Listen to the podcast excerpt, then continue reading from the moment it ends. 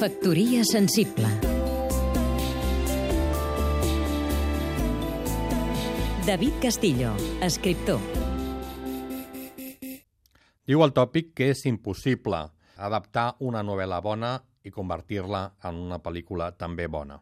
Els tòpics estan per trencar-los, però certament, quan et trobes davant d'una adaptació cinematogràfica, te n'adones que la traducció és tan complicada, per exemple, com traduir un llibre de poemes d'un poema bo. Avui us recomanaré una pel·lícula, Fills de la mitjanit, una pel·lícula basada amb l'obra de Salman Rushdie, que molts de vostès recordaran per la fàtua que li va fer l'Ayatollah Khomeini i que l'ha tingut durant dècades pràcticament en la clandestinitat.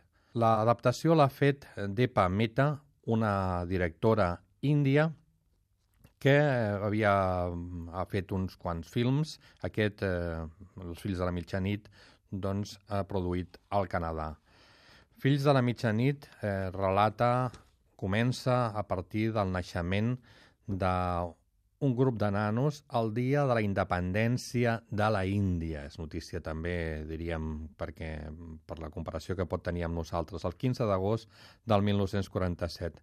A partir d'aquí hi ha diferents generacions, la separació dels anglesos, la separació també del Pakistan, la guerra, la bomba atòmica, el tema de Bangladesh, tota la destrucció de la Índia a través de diferents eh, generacions, però sobretot amb aquests personatges que van néixer al 1947. L'adaptació és extraordinària tant pel que és l'ambientació com per la pròpia narrativa cinematogràfica, el treball dels actors, la direcció, una pel·lícula, diríem, que trenca tòpics. Factoria sensible